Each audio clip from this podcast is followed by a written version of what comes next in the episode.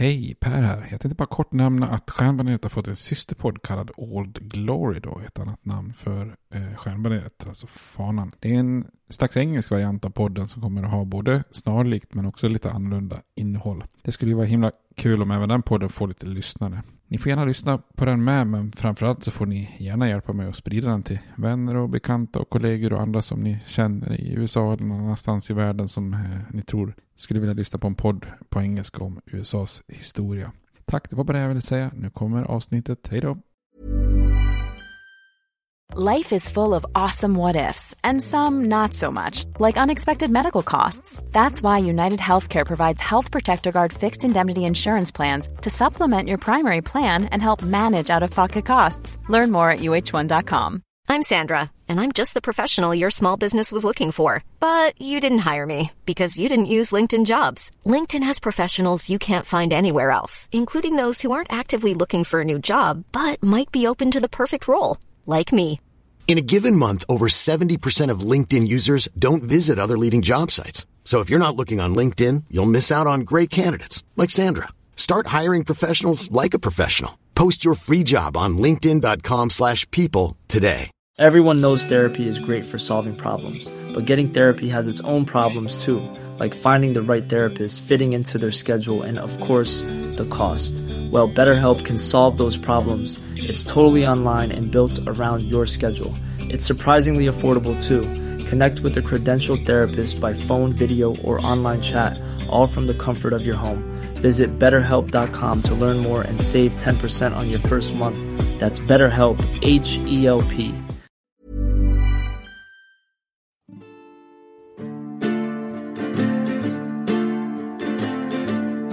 We hold these truths to be self-evident, that all men are created equal, that they are endowed by their Creator with certain unalienable rights, that among these are life, liberty, and the pursuit of happiness.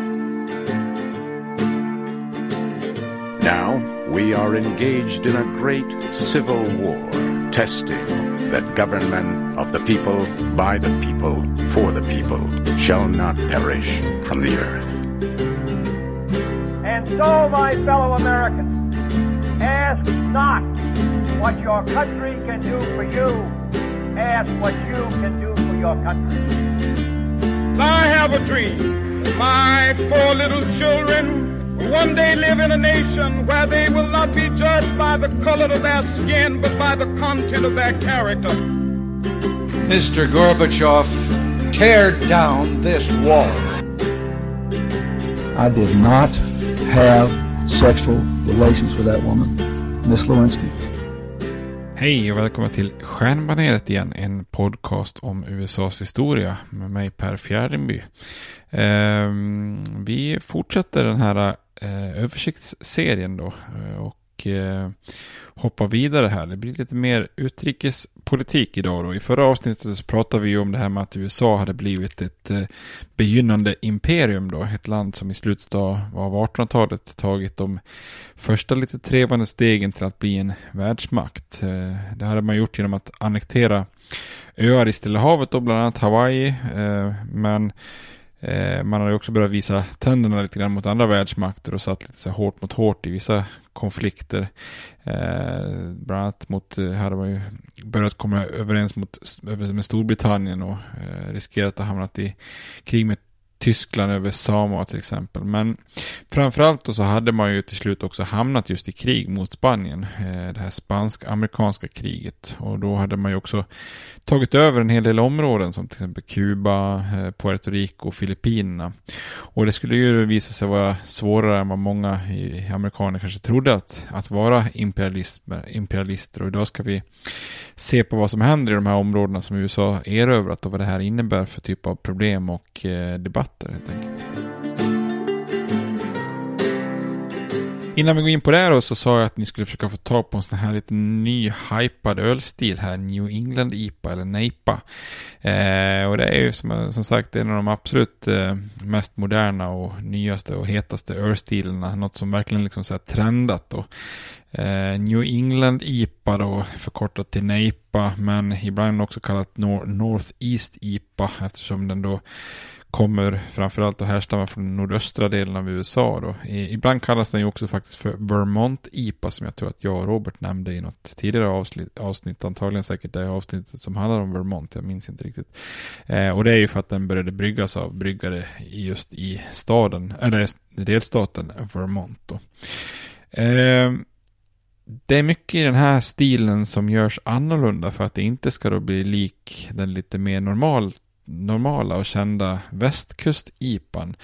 Eh, den görs ju för det första grumlig. Eh, ofta finns eh, ordet hazy med i namnet. Då. Eh, så istället för att normalt försöka få en så här kristallklar öl så låter man både en del maltsorter som, som ger lite disighet och, och även gäst finnas kvar. Och till ibland kanske man till och med gör den medvetet mer grumliga än, än nödvändigt. Lite grann som en sån här tysk veteöl, Weissby.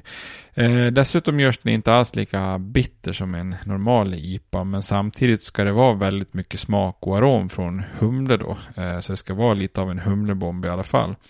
Eh, och de här två sakerna ihop då, att den inte är så bäsk och att den är väldigt eh, grumlig, det gör ju att den här ölen blir ju att se väldigt annorlunda ut och det ser nästan ut som en som en juice, liksom, som en, jag höll på att säga apelsinjuice, men det är det inte, men mer som en humlejuice då. Eh, och för att få den just här mindre bitter och, men ändå mycket smak och arom från humle så får man nästan tillsätta all humle väldigt sent när man kokar vörten eller också i efterhand, eller i efterhand det som kallas för torrhumling. Alltså när man, när man i slutet av jäsningen eller efter att man har jäst klart tillsätter man humle lite grann som att kasta in tepåse ungefär. Eh, och många ser också till att eh, för att göra det här ytterligare då lite annorlunda ta ett vatten som inte ger sån här krispig torrhet som är önskvärd i vanlig IPA heller utan man använder lite mer då eh, ett, ett vatten som egentligen normalt sett kanske gynnar maltiga ölsorter. Man använder också en hel del moderna humlesorter och gärna de här som ger lite mer tropiska frukter då. Eh, vissa amerikanska humlor naturligtvis då, men även eh, humlor från den nya världen, alltså Australien och Nya Zeeland som oftast är, har väldigt så här, tropiska frukttoner då. Så gillar man någonting fruktigt eller juicigt och grumligt så är det här en, en perfekt ölstil. Och den amerikanska östkustölen eh, har då utvecklats lite grann som i sin battle mot västkusten då. Eh, eh och det går inte att misslyckas att få tag på sådana här öl nu för tiden. Det finns hur många som helst. Och det, som jag sa innan i förra avsnittet, Lagunitas gör ju ändå Little Summer Hazy.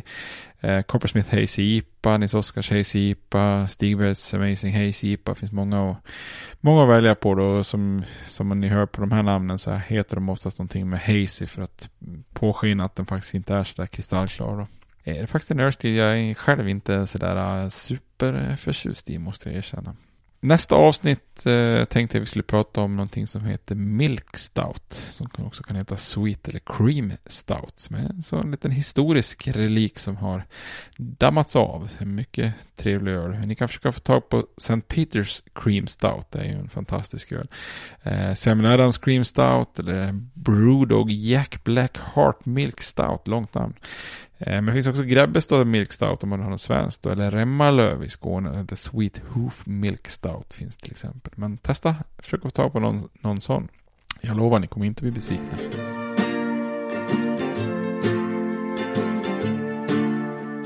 Om vi då går in lite grann på, mer på amerikansk historia då, så, eh, så får vi titta lite grann på det här, alltså följderna av det här spanska-amerikanska kriget som vi pratade om eh, förra veckan. Kriget får ju en hel del följder då. Eh, vi kommer ju att se senare att en av de viktigaste följderna är just det Theodore Roosevelt, han som var med då i det här regementet, eh, Rough Riders. Eh, väldigt ambitiös man. Så ibland kan, man, ibland kan man nästan säga att det, en av de största följderna med hela spanska-amerikanska kriget är ju egentligen att eh, Roosevelt blir en megakändis och som banar vägen för hans liksom då eh, presidentskap till exempel. Eh, och det är lite grann som Andrew Jackson efter kriget eh, 1812 då. Han vinner ju ett viktigt slag 1815 i krigets slut där. När faktiskt redan efter man egentligen har förhandlat fram ett eldupphör nere vid New Orleans. Slaget vid New Orleans. Så utan det slaget så hade inte Andrew Jackson antagligen eh, kunnat seglat upp och bli president i USA då. Så att eh, Roosevelt är inte den första som, som vinner militära framgångar och, och som följd av det blir president. Ja, vi hade ju Ulysses James Grant också nyligen då. Men det här kriget får ju väldigt många olika eh, följder då. Eh, det är ju verkligen en språngbräda för USA eh, ut på världsscenen då. Som vi pratade om i förra avsnittet så tidigare har ju USA haft en väldig fokus inåt på den egna kontinenten och nu blir det ju väldigt mycket mer fokus utåt då. Eh, en viktig följd är ju en militär upprustning i USA. Det spanska-amerikanska kriget hade ju visat vilka enormt stora brister det fanns i USAs militära system. Då hade man hamnat eh, eh, i ett krig mot en lite starkare motståndare än ett slags dekadent Spanien så hade man ju mycket väl kunnat eh, förlora då. Så efter kriget sätter president William McKinley igång en reform av försvaret som leder till ett antal viktiga åtgärder. Då. Bland annat så utökas den, den stående armén, alltså den reguljära armén då, utökas från 25 000 man till 100 000 man. Eh, man satte också federala standarder för nationalgardet. Eh, nationalgardet i varje delstat är ju en slags kvarleva från nationens födelse då, då försvaret helt byggde på det här med delstatsmiliser som tränare, eller ja, i bästa fall kanske tränare. Eh, ibland, men i grunden så bestod de ju av vanliga medarbetare, eller medborgare. Eh, medborgare som från början, som alla, alla från början faktiskt ägde sin egen musköt också. Vi pratade mycket om det där i avsnittet om vapenlagar, att hela systemet byggde på att man hade sitt eget vapen. Men det här systemet hade ju i grunden en rädsla för det här med en central permanent armé som ett verktyg för tyranner och militärdiktaturer som kunde hota friheten. Men de här delstatsmiliserna överlevde ju sen då som nationalgarden som tillhörde delstaterna. Men hur de här eh, nationalgarderna tränade och hur de utrustades och hur de organiserades, det var ju då upp till varje delstat och därför blev det ju också väldigt spretigt då. Eh, så genom att då införa en federal nationell standard så såg man ju till då att de här nationalgarderna mer kunde likna den reguljära armén då. Eh, så det var ju en viktig reform för att eh, skapa ett bättre försvar. Andra åtgärder är att skapa ett system av militärskolor som Eh, så att mer kompetenta befäl fanns att tillgå. Eh, dessutom skapar man 1903 då en slags stab kallad Joint Chiefs of Staff med representanter från militärens eh, olika grenar då, som ska kunna agera då som militär rådgivare åt krigsministern. Och det här finns ju kvar än idag då eh, att den här Joint Chiefs of Staff finns kvar då. Det är liksom representanter från, från flottan, från armén, från flygvapnet. Alltså ett, ett slags organ som ska kunna koordinera då en hel krigsinsats tillsammans med, med krigsministern. Då.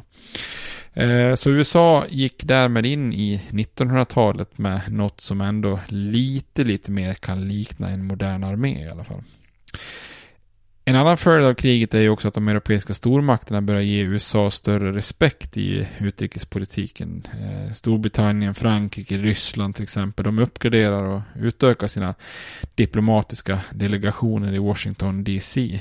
Tidigare har man liksom behandlat Washington DC som lite grann av ett, ett slags diplomatisk bakvatten. Det är inte riktigt där man skickar de viktigaste diplomaterna så att säga. Eh, en annan viktig aspekt av det spanska-amerikanska kriget är ju också att det blev lite av, en, av ett bokslut för, för inbördeskriget kan man säga. Eh, tusentals patriotiska män i södern tog ju ivrigt värvning för att just strida för stjärnbaneret då.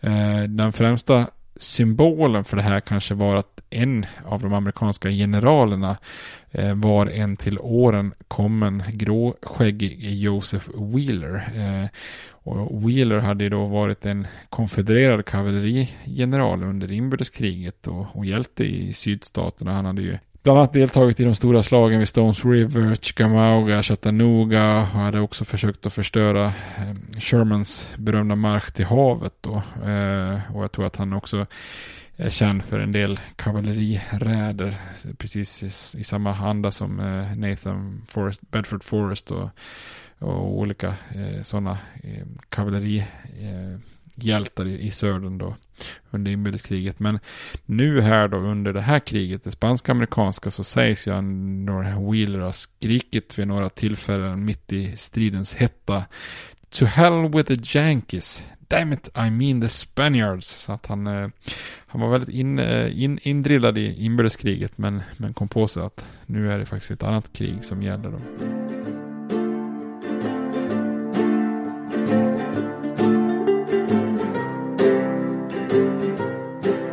Den mest problematiska följden av det spanska-amerikanska kriget det är ju annekteringen av flera territorier som gör USA till en slags kolonialmakt och eh, snarast en ovanlig kolonialmakt som kanske underskattar problemen då. Övertagandet av Puerto Rico då, en ö liksom direkt utanför USAs kust var ju en sak, men att styra över Filippinerna, en ö ögrupp många hundra mil från USA med en stor befolkning var lite mer tveksamt. Och innan kriget hade en sån ta tanke nästan tagits eh, som, en skämt, som ett skämt. Men den här George Deweys erövring av Manila eh, på order från, från eh, Roosevelt hade ju så att säga kastat in den här frågan i hetluften. Eh, Kuba hade man ju också lovat att det skulle bli självständigt redan innan kriget men en sån motsvarande löfte hade ju knappast gjorts för Filippinerna eftersom det var så otippat på förhand. Eh, president McKinley han tyckte inte att det fanns någon riktigt bra lösning på problemet och att, att, att återlämna Filippinerna till Spanien det tyckte han det, det skulle vara fegt och ohederligt mot befolkningen där.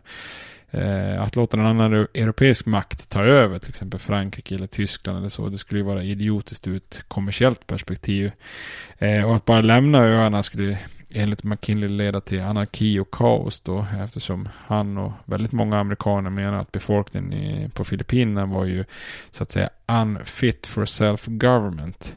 Eh, och därmed återstår bara ett alternativ då att USA fick lov att stanna kvar för att kristna och civilisera och lära dem självstyre alla Amerikat. Eh, i ett svep hade ju egentligen McKinley med de här fyra punkterna motiverat en amerikansk ockupation av Filippinerna med argumenten nationell ära, handel, rasöverlägsenhet och kristen altruism. Då. Eh, de här argumenten känns ju oftast igen då. Eh, på, på Filippinerna var man inte vita protestanter, man ansågs vara barnsliga och oansvariga, eh, kunde omöjligt styra sig själva, vi måste ta hand om dem och stöpa om dem. Ja, luktar ju liksom afroamerikaner och ursprungsamerikaner lång väg då. Man kan säga att USA tidigare eh, sagt att vi ska inte bli någon kolonialmakt. Eh, men USA efter 1898 blir lite mer, ja oj då, nu är vi en kolonialmakt. Eh, och nu börjar det här med att styra Söderhavsöar också bli lite mer norm än undantag då. Men Filippinerna väcker en, en intensiv debatt i USA. Alltså alla fredsfördrag måste ju godkännas av senaten enligt eh, maktdels, maktdelningsprincipen i konstitutionen. Då. Eh, en stark antiimperialistisk grupp motsätter sig nu annekteringen av Filippinerna. Och det här är en grupp som innehöll Eh, flera av landets mäktigaste män då i olika aspekter som affärsmannen Andrew Carnegie, författaren Mark Twain, eh, fackmannen Samuel Gompers eh, och senatorn John Sherman till exempel. Eh, och det, deras argument varier, varierade naturligtvis beroende lite grann på vilket perspektiv man såg ifrån. Då. Vissa menar att USAs nya imperialism då med kolonier i Stilla havet var, var liksom omoraliskt, ett avsteg från eh, klassiska amerikanska åtagandet om frihet och demokrati och självstyre. Då. Och konservativa politiker oroar sig att den amerikanska friheten eh, hotades av en stor stående armé som skulle, kunna, som skulle behövas då för att hålla, hålla och styra en massa kolonier. Andra hade rent rasistiska argument och menade att det amerikanska folket skulle så att säga smutsas ner med asiatiskt blod eh, egentligen samma typ av rasism som gjorde att man förbjöd kinesisk eh, immigration vid den här tiden. Då. Och en, en senator säger så bland annat att eh, bananas and self-government cannot grow on the same piece of land. Det är ju rätt banalt uttryckt. Um, och det här liknar ju debatten egentligen mellan demokrater och Whig-partister i samband med Mexikokriget 50 år tidigare. Då hade ju Whig-partister oftast varit emot att ta över mexikanska områden eftersom man inte ville ha en latinobefolkning som, som beblandat sig med ursprungsamerikaner i den amerikanska befolkningen. Då.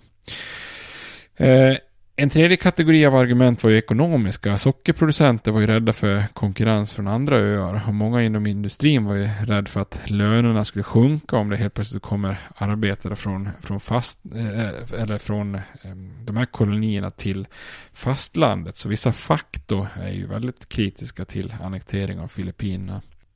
1898 så startas The Anti-Imperialist League som, som då lobbar för att fredsfördraget inte skulle ratificeras överhuvudtaget. Då. Samtidigt fanns det en stark grupp som var för annektering av Filippinerna men som eh, senatorn Lodge och Roosevelt som menar att USA behövde ju skapa ett imperium eh, för att utveckla nationen och göra den vital. Många affärsmän såg det som en möjlighet att dominera handeln i Ostasien och eh, många republikaner tyckte kort och gott att det var en, eh, det, att det var en republikan republikansk administration som fört kriget eh, när man hade vunnit det och nu är det självklart att på något vis skörda frukterna av segern. Det är ju återigen liksom exakt samma parallell som till Mexikokriget 1848 fast omvänt. Då var det demokraternas krig och eh, demokrater som ville skörda frukterna utav, eh, utav kriget då. Eh, det främsta argumentet för en annektering av Filippinerna var ju väldigt enkelt och USA hade ju faktiskt redan öarna. Eh, och när motståndare påpekar den här faran om att annektera ett land vars befolkning var stor och i längden kanske måste bli medborgare så svarar imperialisten att ja men det är ju inte något problem, det är ju bara att fortsätta tidigare policy. USA hade ju faktiskt annekterat stora områden från Mexiko till exempel utan att ge ursprungsbefolkningen i form av ursprungsamerikaner där någon form av medborgarskap. Så att här är man ju liksom cyniska i sin, i sin syn. Att vi, vi kan väl visst annektera Filippinerna utan att någonsin behöva ge dem medborgarskap. Eh, det finns ju också argument, argument för från religiösa håll då. Den religiöst orienterade senatorn Albert Beveridge menar att We are God's chosen people och att amerikanerna hade en sacred duty att frälsa de här ociviliserade invånarna på Filippinerna. Så de flesta demokrater och populister från det här People's Party motsätter sig annekteringen, men även vissa republikaner. Eh, och en ratificering av fredsfördraget ser ganska lång tid ut att hänga lite löst i senaten då. Men plötsligt så, så får en ratificering stöd från den viktiga senatorn William Jennings Bryan som tidigare varit då uttalad antiimperialist. Eh, och här är ju Bryans motiv lite slug. slug. Han, är, han är lite lömsk där. Genom att få frågan så att det är avklarad i senaten så hoppas han istället då att det ska bli lite av en folkomröstning i det kommande presidentvalet år 1900 då. Där ju han naturligtvis hoppas att han ska bli den segrande kandidaten efter att ha förlorat i valet fyra år tidigare då. Och genom att övertala tillräckligt många demokrater så kunde Brian se till att senaten ratificerade det här fredsfördraget den 6 februari 1899. Men Brians strategi går tyvärr lite grann i baklåset för honom själv då. Visserligen är ju frågan om annektering uppe i valkampanjen men det visar sig då att det amerikanska folket är ju snarare för imperialism i valet eh, och inte emot som Brian hade hoppats på. Så i presidentvalet 1900 så är det inget snack bland republikanerna. De nominerar om den sittande presidenten McKinley. Så han har ju vunnit ett krig och säkrat guldstandarden som vi sa för något avsnitt, avsnitt sen då. Men för säkerhets skull så adderar man också den här populära krigshjälten Theodore Roosevelt som vicepresidentkandidat. Så för andra gången i rad så besegras demokraten Bryan av republikanen McKinley som väljs om då med en ännu större förkrossande majoritet än vad han vann år, valet fyra år tidigare. Då.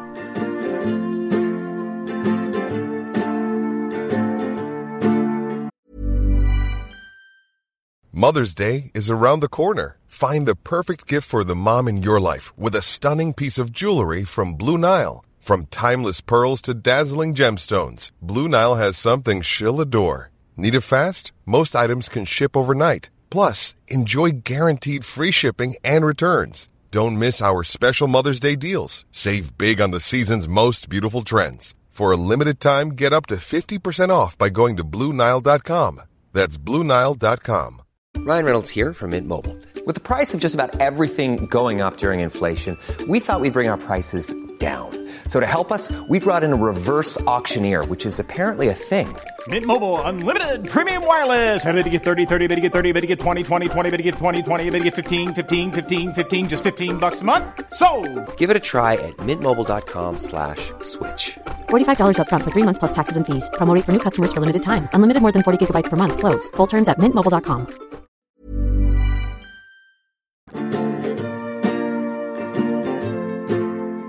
Om vi tittar lite grann på USA som imperium då. Annekteringen av territorier som Puerto Rico och Filippinerna skapar ju liksom en legal frågeställning som USA nu behöver brottas med som en slags imperialistisk kolonialmakt som erövrat andra territorier. Och då blir ju lite grann frågan, följer konstitutionen flaggan? Eh, alltså gäller amerikanska lagar och tullar på de här områdena? Eh, redan i en skrivelse 1900 så frågar en grupp på Puerto Rico ifall, alltså är vi är vi medborgare eller är vi bara en form av undersåtar? Eller, vad gäller här? Eh, 1901 så fastslog en delad högsta domstol att flaggan kunde så att säga springa ifrån konstitutionen. Eh, invånarna i Puerto Rico och Filippinerna kunde styras av USA utan att för den delen åtnjuta liksom alla amerikanska rättigheter. Eh, och Puerto Rico tillhör ju USA än idag och blev därmed det första erövrade territoriet tillhörande USA som saknar ett uttalat löfte om att kunna upptas i unionen som en delstat. Då. Så i den så kallade Jones Act 1917 så slås det fast att Puerto Rico var ett territorium, alltså precis som det här normala förstadiet till en delstat och att befolkningen var amerikanska medborgare men att den i Puerto Rico inte skulle bli en delstat. Så idag skickar man exempelvis ledamöter till kongressen men de får ju bara observera, inte vara med i, i omröstningar. Och, eh, Puerto Rico är ju Eh, med i oftast i partiernas primärval men inte i själva eh, egentliga presidentvalet när man väljer elektorer och så vidare. Då. Jag vill komma tillbaka till den här frågan senare då men, men, men från och med nu så ligger Puerto Rico eh, som en del av USA fast, fast inte en delstat. Eh, och det här nya eh, amerikanska imperiet är ju litet jämfört med de största europeiska konkurrenterna konkurrenterna då. Men det hindrar ju inte USA från att, från att dras in i den typen av eh, problem som man tidigare försökt undvika genom att inte ha eh, olika områden i världen då. Så man kan, om man ska sammanfatta det så finns det tre amerikanska områden som man har köpt eller erövrat utanför det koloniala USA som var relativt problemfria. Och det är ju Hawaii, Alaska och Puerto Rico. Invånarna där blev medborgare eh, men inte delstater 1900, 1912 och 1917 då.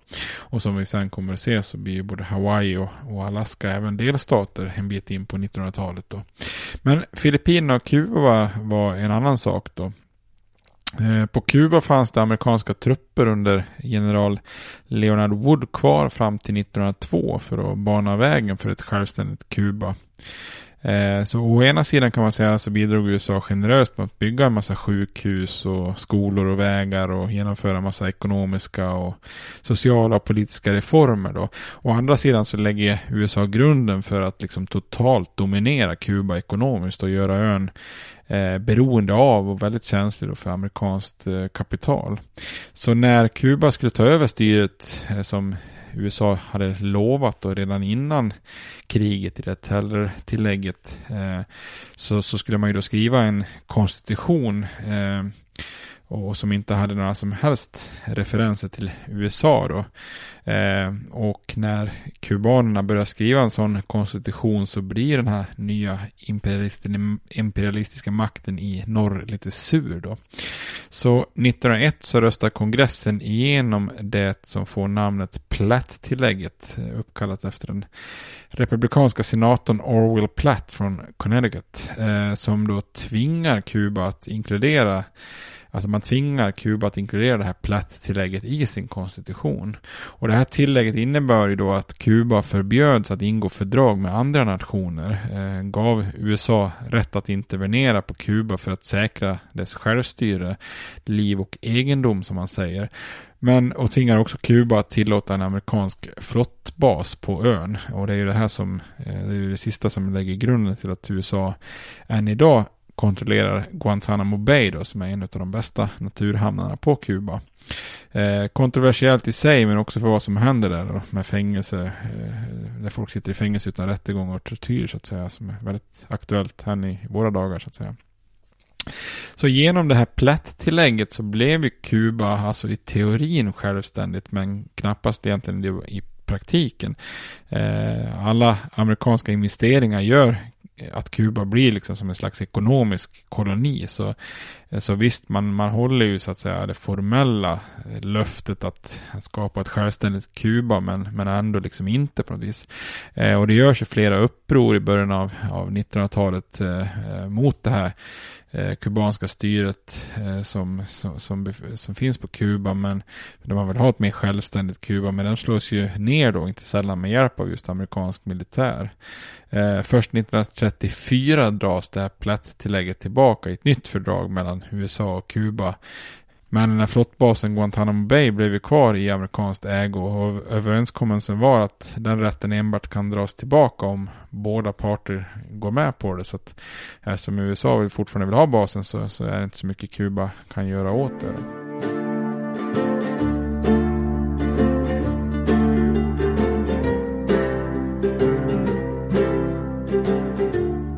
Filippinerna blir ett ännu större problem än Kuba kan man säga. Som nybliven kolonialmakt så dras USA eh, in i ett slags klassiskt kolonialmaktskrig där då.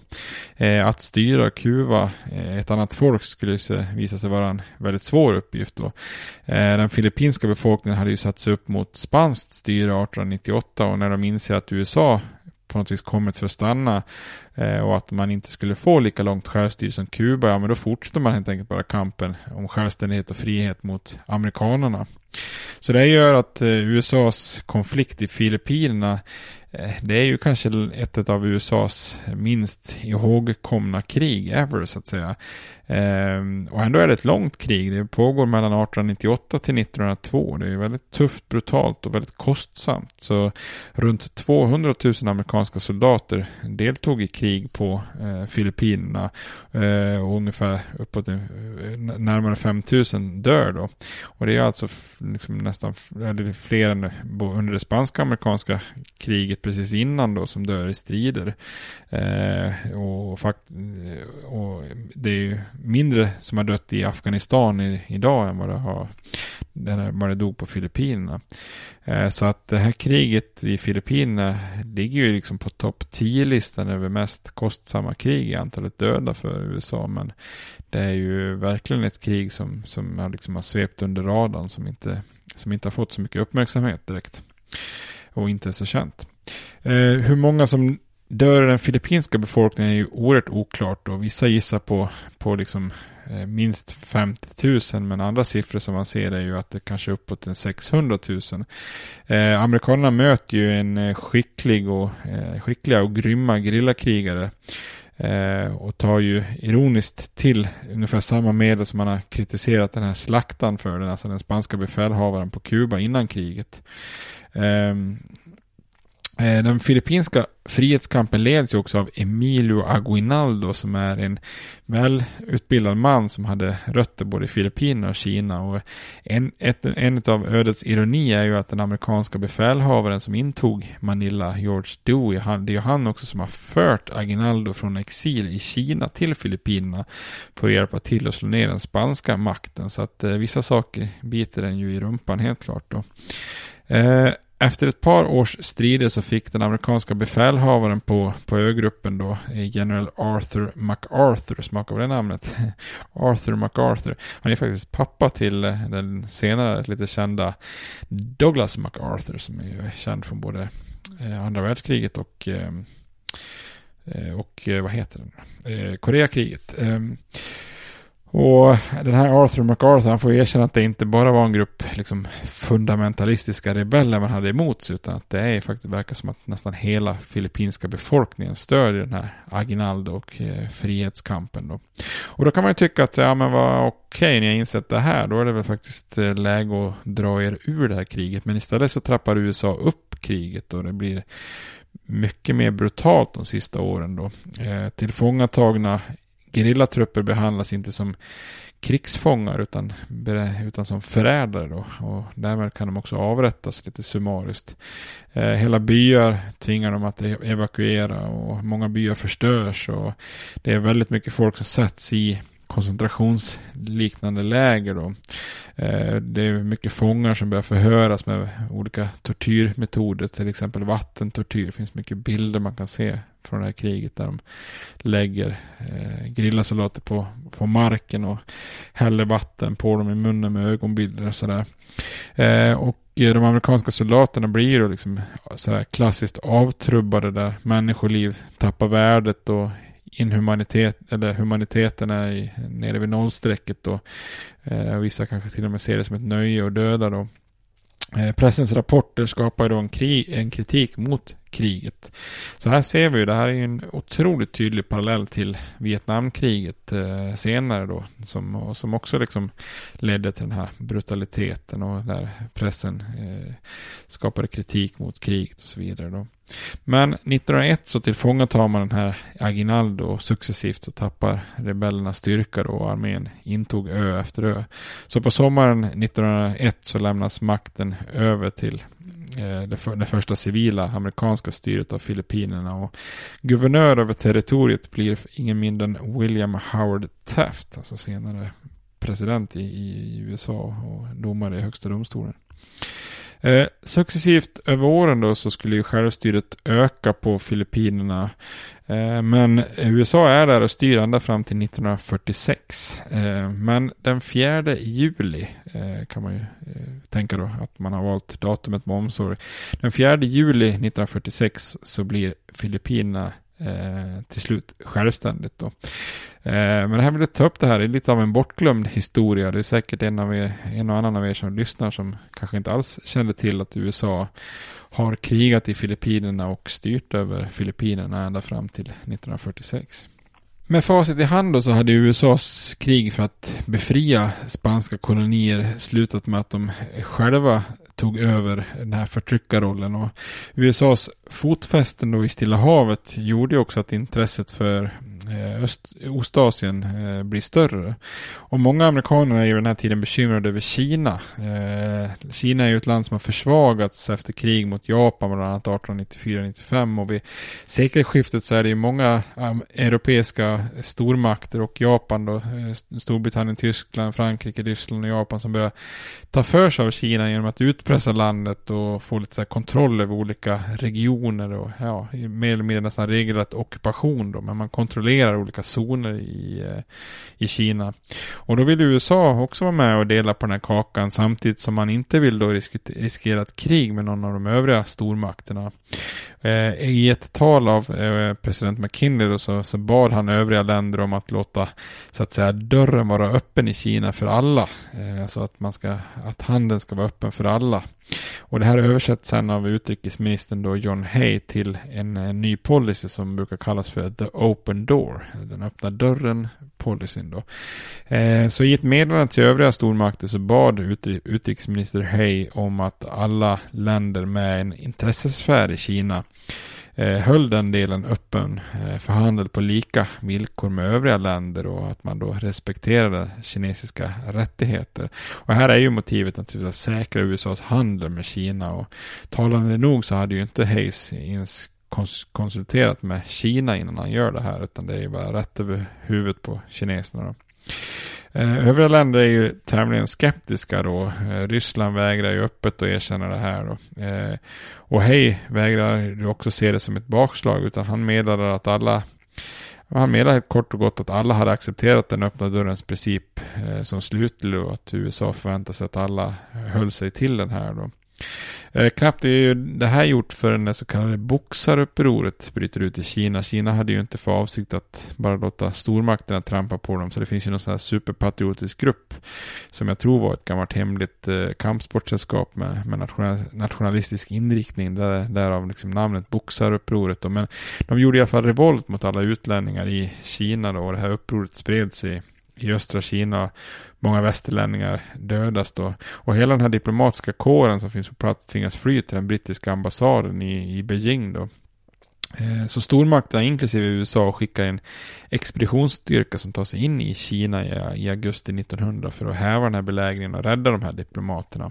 Och det här boxarupproret eh, blev ju en händelse som, som då stärker USAs roll i Kina. Man, man blev en, en del i den uppgörelsen efter upproret eh, slagits ner då, så, och därmed kunde utrikesminister Hay få gehör för den här öppna dörren-policyn då från både Storbritannien och Tyskland och tillsammans kan man förhandla fram eh, ersättning från Kina. Men det är ju då eh, en skör tråd som eh, den amerikanska handeln i Kina kunde räddas. Men det är nog en viktig liten pusselbit i att förstå USAs eh, framfart här i slutet på 1800-talet och runt sekelskiftet. Då.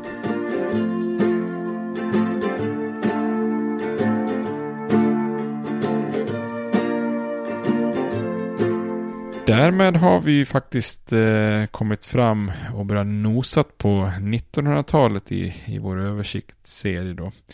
Alltså vi har helt enkelt egentligen klarat av både 16, 17 och 1800-talet av USAs historia. Så vilken härlig utveckling det har varit från den här lilla osäkra nationen som skapas i slutet på 1700-talet och som eh, få tror ska överleva i en värld av monark monarkier då. Eh, som har det här arvet från den koloniala perioden där, där olika kolonier grundats lite, lite hux flux på olika sätt som lägger grunden då till någon slags eh, federal tanke som, som lever kvar i USA än idag då. Och sen så via då lite, lite krig och annat och manövrering i Napoleonkrigens era i början av 1800-talet så lyckas USA överleva. Samtidigt slitet mellan olika eh, falanger då i nord och syd kring slaveriet som fråga och den här expansionen västerut. Så, så via och via inbördeskriget då som är uppslitande för landet så har man då gått in i en period där eh, man expanderar enormt och växande städer, industrialism och så vidare. Och nu har man också tagit klivet ut på, eh, på utrikesscenen som en imperialistisk stormakt. Så att USA som i början av 1800-talet eh, är ju verkligen inte likt eh, USA i början på 1900-talet. Så att eh, nu kommer ju översiktsserien att gå in i en helt ny era här när vi börjar prata om 1900-talet. Då blir det dags för lite mer Teddy Roosevelt och lite James Wilson. Det kommer att komma väldigt, den så kallade progressiva eran med väldigt stora eh, reformer i samhället, eh, ökad demokratisering. Eh, vi kommer att gå in på det här första världskriget och USAs roll där Sen det glada 20-talet som ju faktiskt i USA innehåller både, både en hel del konservativa eh, motkamper men också då väldigt eh, liberala eh, och, och, glada år. Eh, och sen så kommer vi in på då eh, den stora börskraschen och den stora depression, depressionen och eh, som präglar väldigt mycket då där på 1830-talet och sen så eh, kom ju andra världskriget och sen så kalla kriget och sen så snart så kommer vi att vara framme vid The Donald på 2020-talet. Men eh, vi tar upp tråden framöver. Tills dess får ni ha det bra. Hej då! States like these and their terrorist allies constitute an axis of evil And if the hippies and the yippies and the disruptors of the systems that Washington and Lincoln as presidents brought forth in this country will shut up and work within our free system of government, I will lower my voice. If the impeachment provision in the Constitution of the United States will not reach the offenses charged here, then perhaps that 18th century Constitution should be abandoned to a 20th century paper shredder. Therefore, I shall resign the presidency effective at noon tomorrow.